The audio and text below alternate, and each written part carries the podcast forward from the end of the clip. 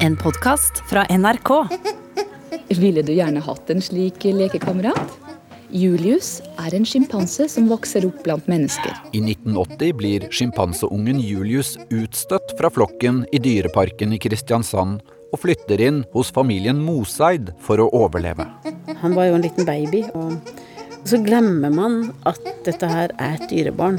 Gjennom TV blir Julius rikskjendis, men når han seinere skal finne sin plass i dyreflokken, blir det store problemer.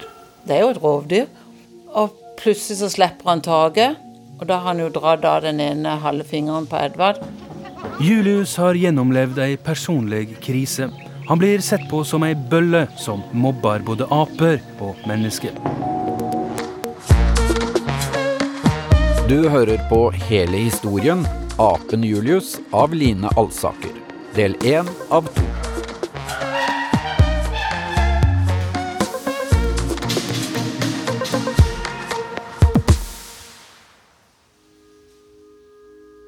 Det er vinter, det er sol, og det er snø. Sånn husker jeg det. Og jeg kommer inn i abbekjøkkenet og skal inn og si morgen. Det er andre juledag 1979 i Dyreparken i Kristiansand. Dyrepasser Åse Gunn Mosvold Hogga er på apekjøkkenet.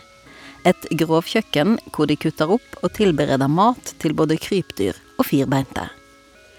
Like ved apekjøkkenet holder Dyreparkens stolthet sjimpanseflokken til.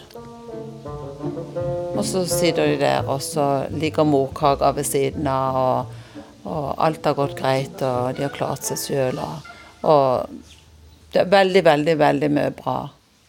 I løpet av natten har det blitt født en ny sjimpanseunge. Åse Gunn ringer dermed til dyreparkdirektør Edvard Moseid og forteller at alt står bra til med mor og den nyfødte. Og så var det dette med sa jeg om det er jo andre jul, da. Vi må jo kalle henne for Julianne. Men så gikk det en to-tre dager. Så løfta hun ut ungen og viste, så så vi det var en gutt. Og så var det, ja, vi kaller hun bare Julius. Ja, det, altså det var den store drømmen å få inn disse sjimpansene, og det hadde det vært eh, veldig lenge.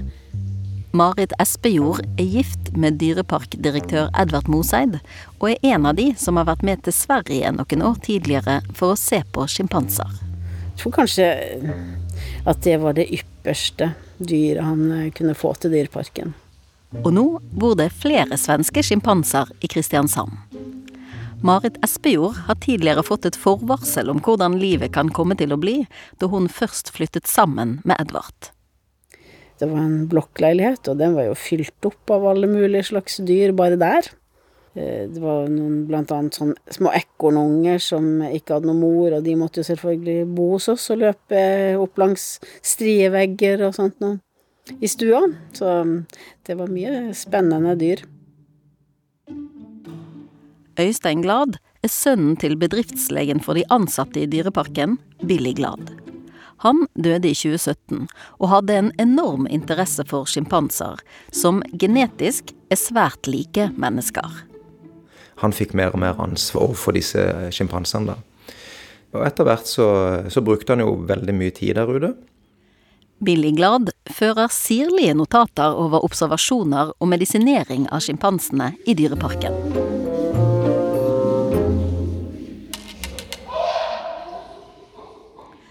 Moren til Julius heter Sanne, og er en ganske ung sjimpansemor, bare åtte år. Til å begynne med går det fint.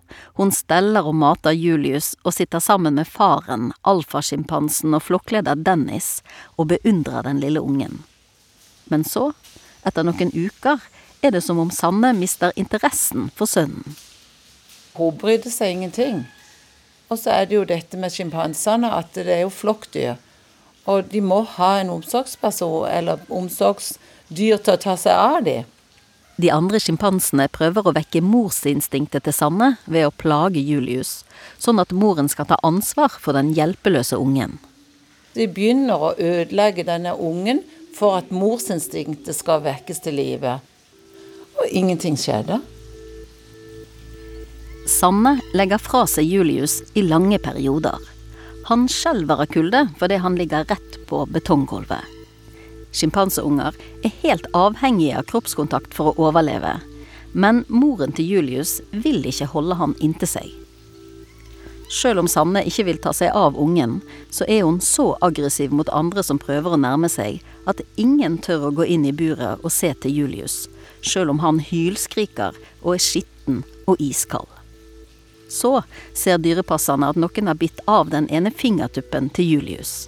Den henger og slenger i en scene, mens blodet pipler ut. Men Sannes morsinstinkt vekkes fortsatt ikke.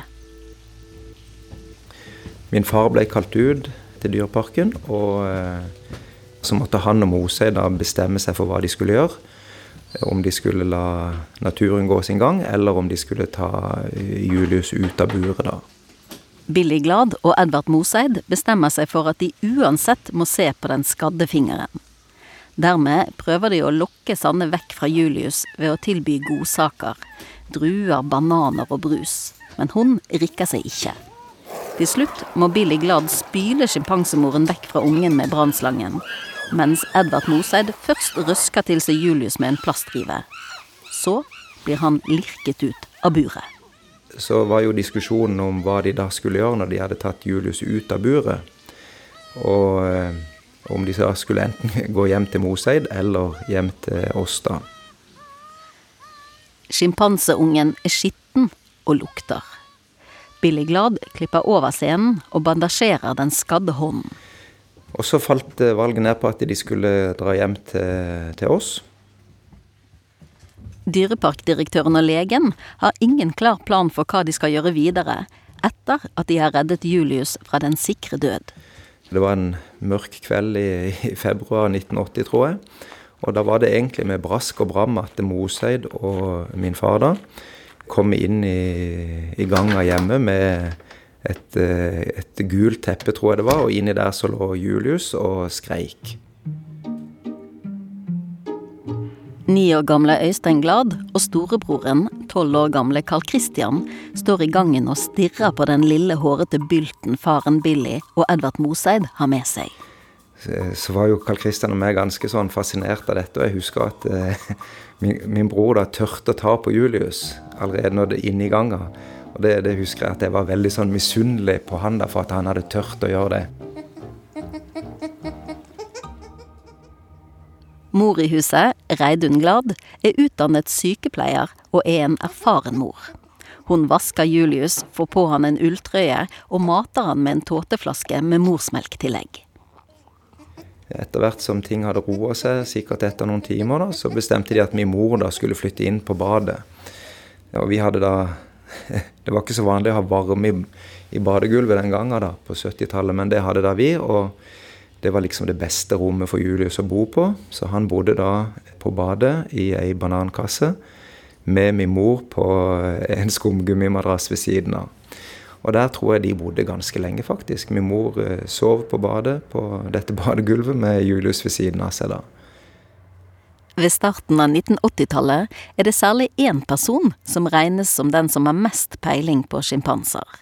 Det er britiske Jane Goodall. Even when I was very tiny, I was absolutely fascinated by animals. I think I first began to dream of going to Africa after reading Dr. Dolittle and Tarzan when I was about eight. Sjimpanseforskningen viser at når Julius blir fullvoksen, kan han komme til å veie nærmere 70 kilo, og vil være livsfarlig å ha inne i et vanlig hus. Han kommer aldri til å lære seg å gå på do eller fungere blant mennesker i lengden. Sjimpanser er for aggressive og dominerende til det. Men foreløpig er han liten og søt. Dyreparken må søke Landbruksdepartementet om å få tillatelse til at Julius bor hos mennesker en periode.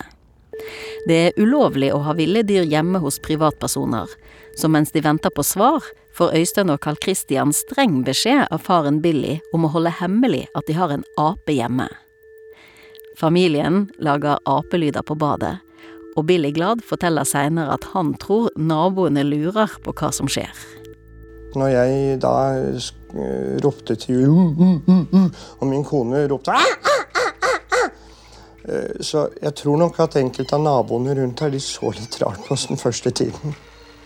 Siden Reidun Glad er hjemmeværende, så er det stort sett hun som skifter bleier og vasker og steller det nye familiemedlemmet. Og etter et par uker sier Landbruksdepartementet ja til at Julius kan bo i en menneskebolig. Men han skal ikke ha på seg klær og være på utstilling. Men bleier må han ha, og Julius har på seg en bleie formet som en T. T-bleien. Med T-bleien følger det rød og hvitstripete og blå og hvitstripete truser. T-trusen, som tres utenpå bleiene for at de skal holde seg på plass, sier Carl Christian Glad, tolv år, i 1980. Mor barn rundt, og etter hvert så merka du i løpet av dagene som gikk, at han ble mer og mer trygg og begynte å slappe av. Det var veldig mye grining eh, og hyling, og det munnvik kan gå tilbake, og at han De lager en sånn der eh, redd lyd. Det er ingen god lyd. Og nå trenger ikke Øystein Glad å holde på den store hemmeligheten lenger. Og da fikk vi lov til å si det til én, én kamerat hver.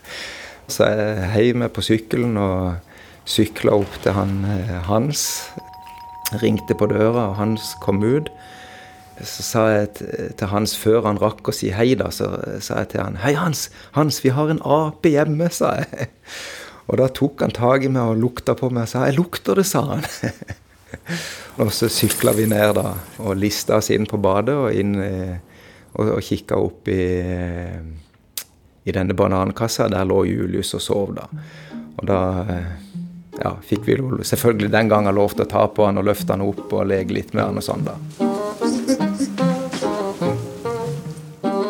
Det blir en spesiell tid for Carl Christian og broren når faren Billy virkelig tar tak i hva familien bør gjøre for å få Julius til å oppføre seg som en ekte sjimpanse. Tanken er å behandle Julius som den sjimpansen han er, ikke et menneskebarn, for han skal jo etter planen tilbake til sjimpanseflokken. Og det haster å få det til, for Julius vokser fort. Og dermed var, var det plutselig et annet sett med regler hjemme i, i barndomshjemmet mitt. Eh, som gikk på eh, Du skal aldri strekke ut to armer. For hvis vi lærer det til sjimpanseunge, og den skal tilbake i flokken, og så strekker du ut to armer, så er det en form for invitasjon til kamp. Så du tar simpelthen bare denne her sjimpansen i håndleddet eller under armen, og så hiver du den opp på ryggen, og så slipper du. Og så får den holde seg fast. Og hvis ikke de klarer å holde seg fast, så er det big mistake. Familien får streng beskjed om å være konsekvente, sjøl om Billy Glad skriver i notatene sine at Julius er farlig skjønn og god. Han er redd for at det ikke skal lykkes. I verste fall kan det ende med at Julius må avlives. Far hadde vært i kontakt med mange dyreparker rundt forbi i, i den vestlige verden, også i USA, og de hadde sagt nei, men glem det. Det får dere aldri til, fordi at sjimpansene de tilpasser seg så flokken sin at han kommer garantert til å plukke opp feil måte å være på, tilnærminger osv. Det var litt av grunnen til at vi skulle gå rundt og si uh, uh, uh, og ikke kle han opp som man gjør på sirkuset. For dette var ikke sirkus. Selv om vi kanskje opplevde det som litt sirkus, så, skulle det ikke være sirkus. Så etter hvert som uh, tida skred frem, så var det jo sånn at um, vi, ja, kunne jo ha han med ut litt i hagen og leke med han. Han klatra i trær, i epletrær eller plommetrærne i haven. Og, og, sånn. Jeg husker jo at det var de første gangene jeg skulle gå og hente avisen og fikk lov til å ha Julius på skuldra. Det syns jeg jo jeg var utrolig stas. Jeg har vel aldri vært mer breiskuldra enn det. Og håpte jo inderlig at noen skulle se meg, da. Spesielt andre fra skolen. ikke sant? Så det var, det var jo utrolig stas å bli stoppa på gata med Julius på, på armen da. Julius er en krevende liten fyr, og blir fort altfor avhengig av Reidun Glad. Det blir derfor bestemt at han skal bo permanent hjemme hos Marit Espejord og dyreparkdirektør Edvard Moseid, mens familien Glad og en dyrepasser skal avlaste når det trengs. Fra før av er Marit moren til fire år gamle Ane og to år gamle Siv. Nå får hun i tillegg ansvaret for en to måneder gammel sjimpanse. Han var jo en liten baby, og han eh, ligner jo veldig på et menneskebarn og oppfører seg veldig som et menneskebarn. Og så glemmer man at dette her er et dyrebarn. Det hadde vært noe annet hvis det var en hund eller en katt eller noe sånt, fordi de har jo ingen særlig likheter med oss, men dette her var jo en baby. Og eh, han eh, tok sin plass som en baby. Så det var veldig vanskelig å se på han som et dyr. Dermed får Ane og Siv Moseid en veldig hårete lillebror, som får en ny banankasse å sove i. Og så ble han jo veldig fort stor. Mm. Altså Han fikk jo mye krefter tidlig, og han var ekstremt aktiv. Mm. Du husker veldig godt med de klissvåte bleiene som han drev på. ja da. Bleiene, de var gjennomtrukket våte. Så vi ble jo klissblaute. Selv jeg bare kjente at det, altså, ballåret var sånn klissvått av tiss. eh, og så kunne han ligge og kose bitte litt, og så freste han inn til Siv. Og så trolig samme runda der. Mm. Det gikk veldig fort til de glemte at han var noe annet enn en, en liten lillebror. Så de krangla jo med han, og han stjal lørdagsgodtet deres. Og han skulle sitte mellom de, og vet ikke hvor mye han fulgte med på TV, men han gjorde jo akkurat de samme tingene. Så han ville gjerne være en eh, i familien. Han ville sitte ved bord og spise. Og han eh, drakk vann av glass, og han eh, klatra opp. Og han var jo mye flinkere til å klatre enn de, enn ungene. Så han klatra jo opp for å åpne døra til kjøleskap og ja. Etter hvert som han ble litt større, så ble han jo veldig oppfinnsom. Han så jo veldig mange ting som eh, foregikk i huset, og skulle gjøre det på samme måte. Så han, han var jo åpna kjøkkenskap og kjøleskap og helte ut melkekartonger og ja, mel, melpakker og det ble jo ganske styrete å ha han i hus etter hvert. NRK TV begynner å gjøre opptak av Julius. Planen er å sende filmene fra det første året, og så fortsette med opptak og se hvordan det går med Julius når han skal inn igjen til sjimpanseflokken. Dersom tilbakeføringen blir mislykket eller Julius blir alvorlig skadet eller dør, så er avtalen at opptakene aldri skal bli vist på TV. Foreløpig er det stort sett kos og hygge. En gris. Mamma, kan ikke du tørke, for jeg gidder ikke å tørke det. Ja. Uff, som du er sølt, Julius. Hæ? Se der. Fy, sånn du ser ut. Har drikt opp hele?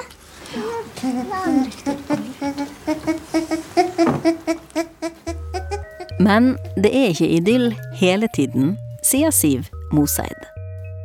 Han var veldig glad i å slå meg i bakhodet, i hvert fall. Eller løpe forbi og så bare lugge meg. og vi var veldig glad i å terge, eller spesielt der. Og jeg husker en episode vi hadde en bidé. Og så var det en gang han skulle drikke av denne bideen. Og så skulle jeg stå og terge han, så han fikk vann i ansiktet, og det var han ikke glad i. Og da tok han tak i hånda mi og beit skikkelig til. Og da hylte jeg til og begynte å grine. Og skulle løpe og si ifra til pappa. Og pappa svarte som han alltid pleide. Og OK, ja ja, men bit tilbake, da. Gå etter ørene. Det er der de kjenner det best. Så det var ikke noe trøst. Det var på sånn Ta igjen. Når Julius er hjemme hos Carl Christian og Øystein, er leken enda litt røffere. Men, vi, men, jeg husker vi hadde liksom satt opp en sånn cowboylandsby. Eh, og Julius da med tebleie og, og, rød og hvit eh, truse kommer eh, gående. Kan ikke Julius være med og leke? Nei, han bare ødelegger det. Og så bygde vi da til dette her eh, Playmo, eh, der Julius kommer inn og Se, nå, Nei, nå, nå spiser han opp meg igjen. Nei si at vi ikke ville ha han med, at han bare ødela. Oh. Se. Han kan være King Kong, sier vi. King Kong. Altså er vi imot han. Hallo, King Kong.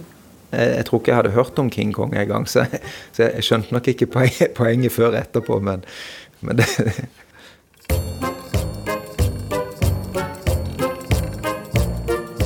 Ane og Siv Moseid binder seg like tett til sjimpansebroren Julius som de seinere gjør til menneskesøsteren Tine.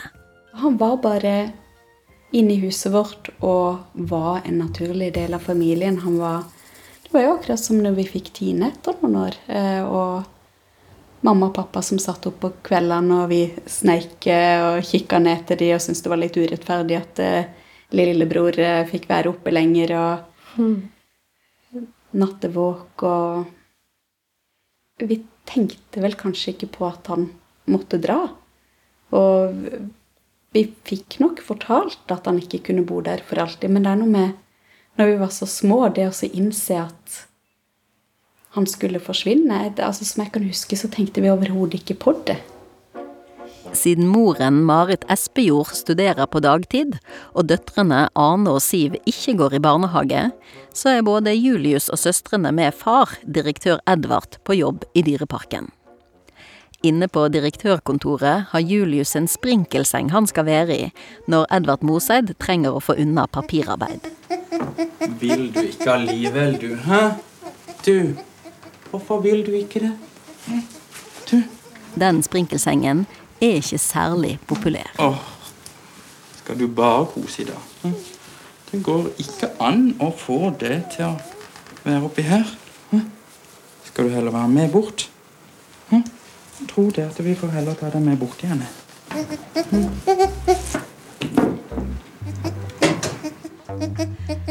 Etter å ha bodd hos mennesker i over to måneder, blir Julius vist frem for sjimpanseflokken.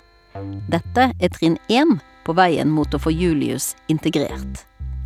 Ledersjimpansen Dennis markerer kraftig når han ser Edvard Moseid med den lille sjimpansen i armene. En god alfahann, en god lederhann i en fungerende sjimpanseflokk, skal eh, tukte sine undersåtte et par ganger om dagen. eh, For å vise hvem som er sjef. Og da begynner de å blåse seg opp. Ta tak i løse ting. I dyreparken så er, eh, så er det en matskål eller et eller annet som de begynner med, og, og, og så denger de rundt. Og da reiser pelsen seg. De får ofte ereksjon, for de blir altså, emosjonelt opphissa. Og så begynner de å hyle. Og, og så kjører de et, et imponeringsløp, som det kalles. Der Carl Christian og familiene ser at de andre sjimpansene i flokken virker nysgjerrige på Julius og ser og strekker hals, så har Dennis en reaksjon som er vanlig hos alfahanner. Og da slår de. Og de slår hardt, og alle legger seg ned og eh, godtar eh, tingenes tilstand, og det er helt greit, du er sjef, osv. Og, og dette gjøres da eh, med jevne mellomrom. Det er tydelig at Dennis ikke vil ha Julius inn i flokken. Dermed prøver Edvard Moseid en ny taktikk. Hver dag tar han med seg en brukt bleie fra Julius, som han sender inn til sjimpanseflokken. For det var liksom hilsen ifra han, hva som skjedde utenfra. Han skulle vite av sine egne. Han skulle presenteres for de hver eneste dag. Skitten bleie inn, vær så god, her er siste nytt. Det var liksom eh, avisen den dagen. Og via snuse og liksom eh, ane hva, hva han hadde spist og det hele, så fulgte de liksom med i hele prosessen. Under tilvenningen sørger Billy glad for å sjekke helsen til Julius. Sjimpanseungen er stadig plaget av forkjølelse og kan smitte sjimpanseflokken hvis det blir for ille. Ja, ja. Vi får prøve å høre på deg, da. Hæ? Det var jo for godt. Ja, oi, oi. Ja. Sånn. Sånn, jeg. Kan du være litt stille? Hæ? Hæ? Hæ? Kom, så. så. Ja, så. Hei, du må ikke ta den. Så, så. Nei, dette, dette går hvis ikke. Vi får rope på assistanse, Reidun. Hei, trenger du hjelp? Ja, jeg tror du må holde den. Hei, Julius. Kom, da. Her skal vi se. Kom.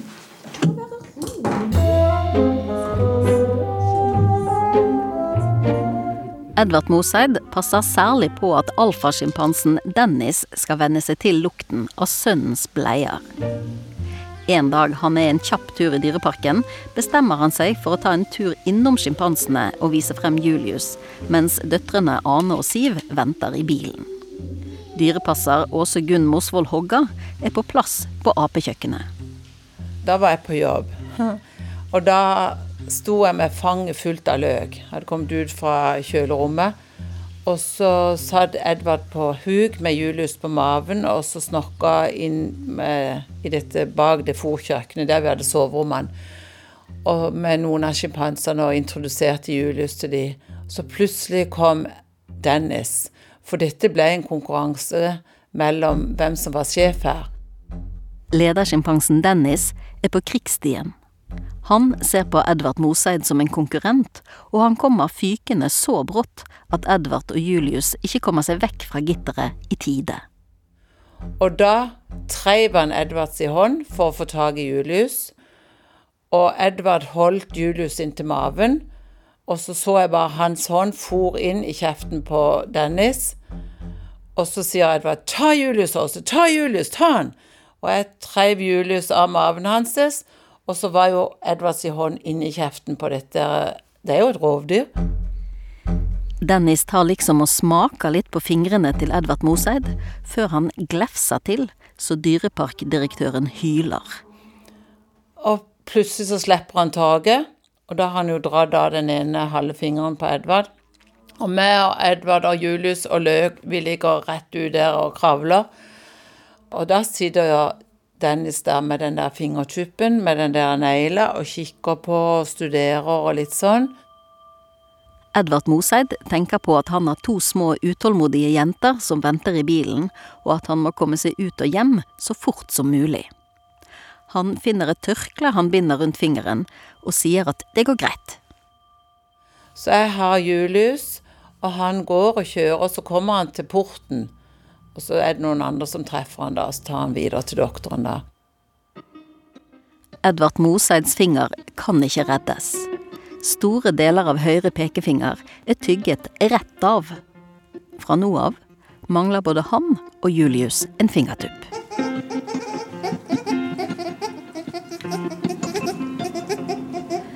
For søstrene Ane og Siv blir hverdagslivet det å ha Julius hjemme, og gjerne tett inntil for å kose og snuse i pelsen.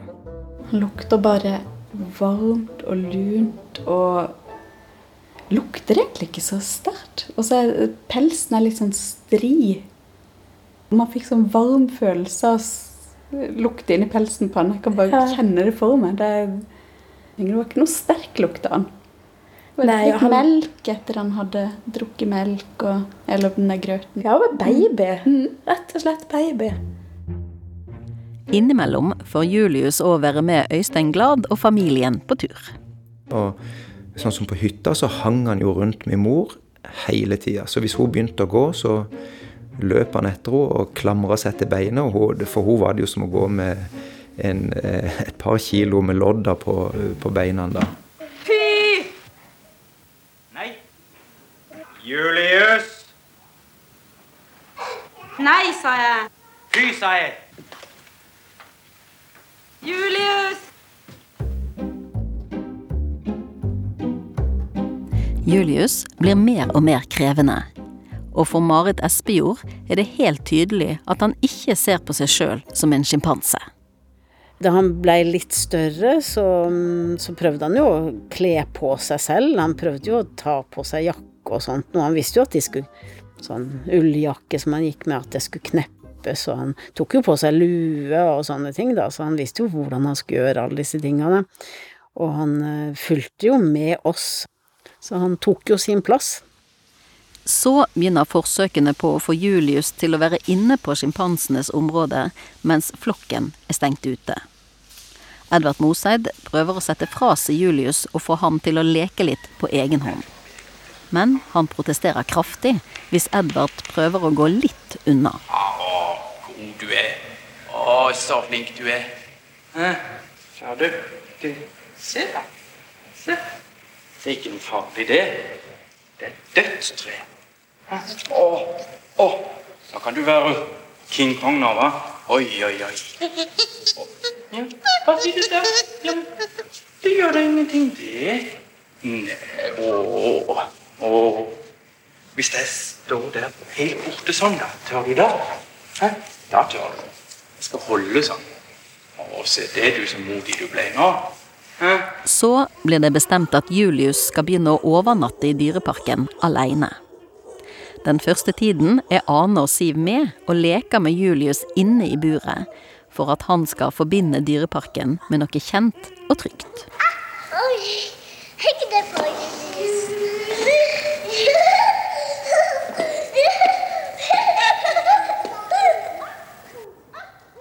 Vi var i dyreparken i mange timer inne i det bur hvor han skulle være. Og så lekte meg og Siv i mange timer og slang oss i tauene der, og vi skulle få han trygg inn i buret. Vi bruk, det brukte vi jo lang tid på, ikke Mm. bare den dagen der, Nei. men at han skulle venne seg til soverommet sitt der. Men den dagen vi skulle gå fra han, så var det Vi hadde vært der så lenge. Og egentlig bare prøvd å fortrenge at vi måtte gå fra han, for vi hadde fått beskjed om det. Og når vi da til slutt skjønte at det begynte å nærme seg, så kan jeg huske at vi var så triste. Og jeg tror vi holdt tilbake ganske lenge. Altså det at de fortalte oss et par ganger at vi snart måtte gå, og vi nekta. Og så, da vi til slutt måtte lukke han inn i buret alene og gå fra han, og han strakte hendene ut gjennom sprinklene og gråt Hylte. Ja.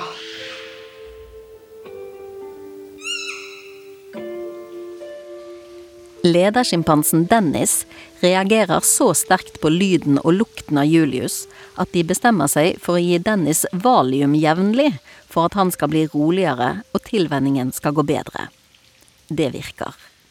Men Julius er òg urolig og kaster seg mot burveggen når han er aleine. Dermed knekker han en tann. Så kommer dagen Julius skal inn i sjimpanseburet og møte en av de andre sjimpansene. For at møtet skal bli så naturlig som mulig, så er det ingen mennesker med inn. Julius hyler av skrekk da den andre sjimpansen kommer. Det er en hunnsjimpanse, og hun viser seg å være tålmodig med sjimpanseungen. De tar på hverandre og er sammen en god stund. Håpet er at det skal gå bra når Julius seinere skal møte resten av flokken.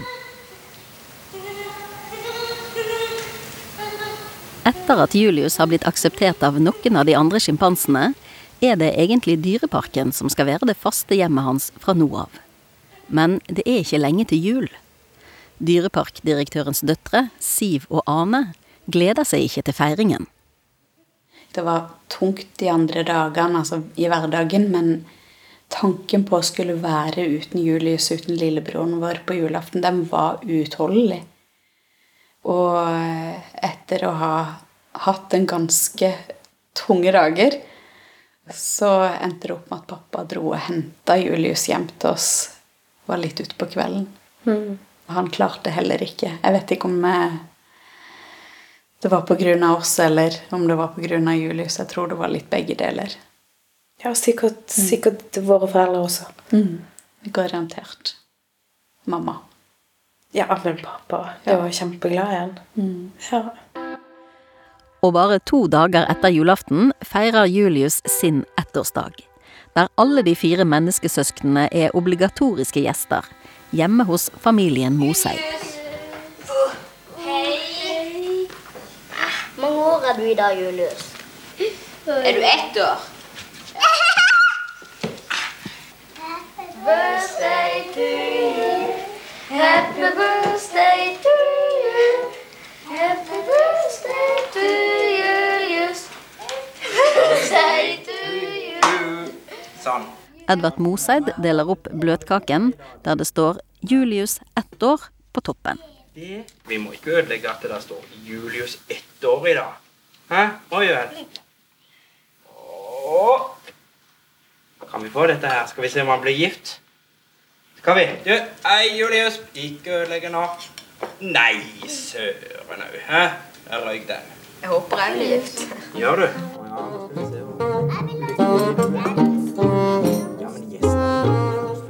Egentlig sover Julius i dyreparken hver natt. Men han blir altså tatt ut av parken for å filme at han feirer bursdagen sin. Inne i dyreparken går alfasjimpansen Dennis fortsatt på valium for å holde seg rolig. Men det virker nå som om han aksepterer sånn noenlunde at Julius er tilbake i flokken. Så blir Sanne, moren til Julius, gravid igjen. Utpå høsten kommer det enda en sjimpanseunge. Dyrepasser Åse-Gunn Mosvold Hogga. Og han viste seg, så langt vi kunne se, at han var kortvokst. Og det var jo samme mora. Og han her, som da ble hedens Kjell, for han ligna så på en på Birkeland som heter Kjell. Så så fæle er vi. Sjimpansemor Sanne er like lite interessert i Kjell som hun var i Julius. Men Kjell klamrer seg fast til moren og lar hun ikke riste han av seg, sjøl når han bare får henge i den ene armen hennes.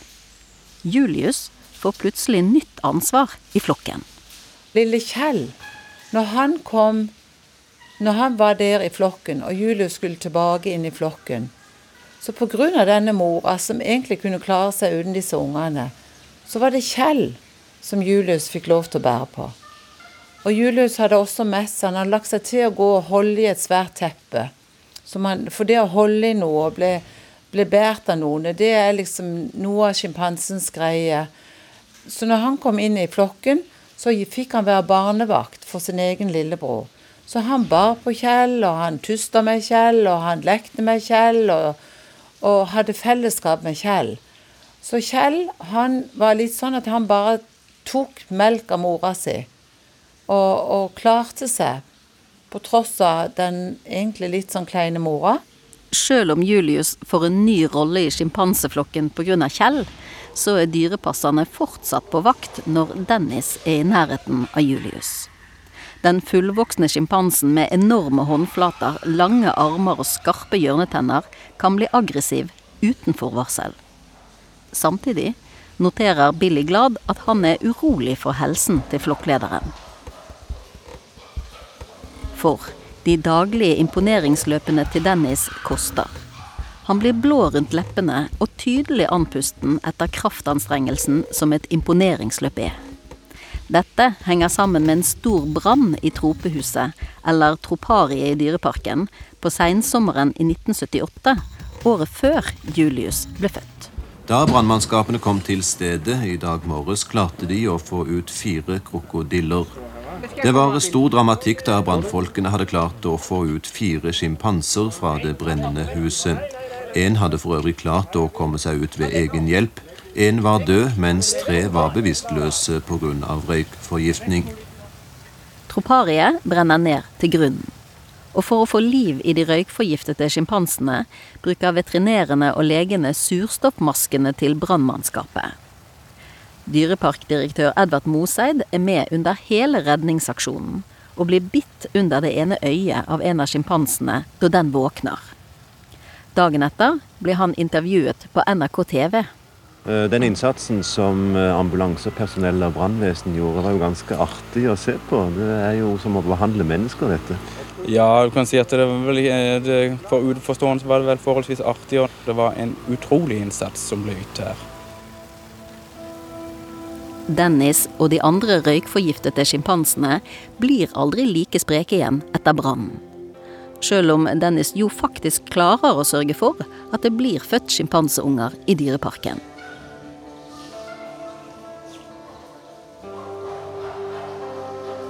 Ane og Siv Moseid holder seg klokelig unna alfahannen. Vi har aldri vært helt tett på han eh, verstingen der. Nei, han var vi forsiktige med. Jeg gikk sidelengs og helt inntil veggen så godt jeg kunne komme for å gå forbi akkurat han. da. Det virka som ja, det var gitter, riktignok, som skilte oss. ja, for det virka som han var veldig obs på at vi hadde Julius, at vi hadde Mm. den relasjonen. Det var, det var noe skremmende over han som den eneste sjimpansen det var noe skremmende ved. En dag er Ane Moseid som vanlig med faren Edvard på jobb i Dyreparken. Der ser hun at faren og veterinæren står og kikker inn mot sjimpanseinnhegningen fra apekjøkkenet. Og så plutselig så tar de og åpner opp døra inn til sjimpansene og går og henter faren til Julius. Dennis. Og så sto de og snakka litt, og så henta pappa bilen. Og så tok pappa meg og satt meg inn i baksetet på bilen og tok på selene. Og så kommer de med Dennis og setter han i baksetet sammen med meg i andre selen. Stropper han også fast. Og så kjører vi ned til byen. Og jeg satt hele bilturen Jeg turte nesten ikke å puste engang. Jeg kasta noen korte blikk bort på den svære, hissige sjimpansen. Men han satt jo bare dingla der, da. Uh, vi har jo ofte sett de sove òg, der vi vet ja, de våkner ja, ganske brått. Ja, ikke sant. Så jeg var, var ganske anspent. Men uh, det er litt typisk pappa, da. Det, da var det andre ting som. Ja, var, Han hadde rett og slett glemt å fortelle at han var død. Og at vi skulle kjøre han til obduksjon.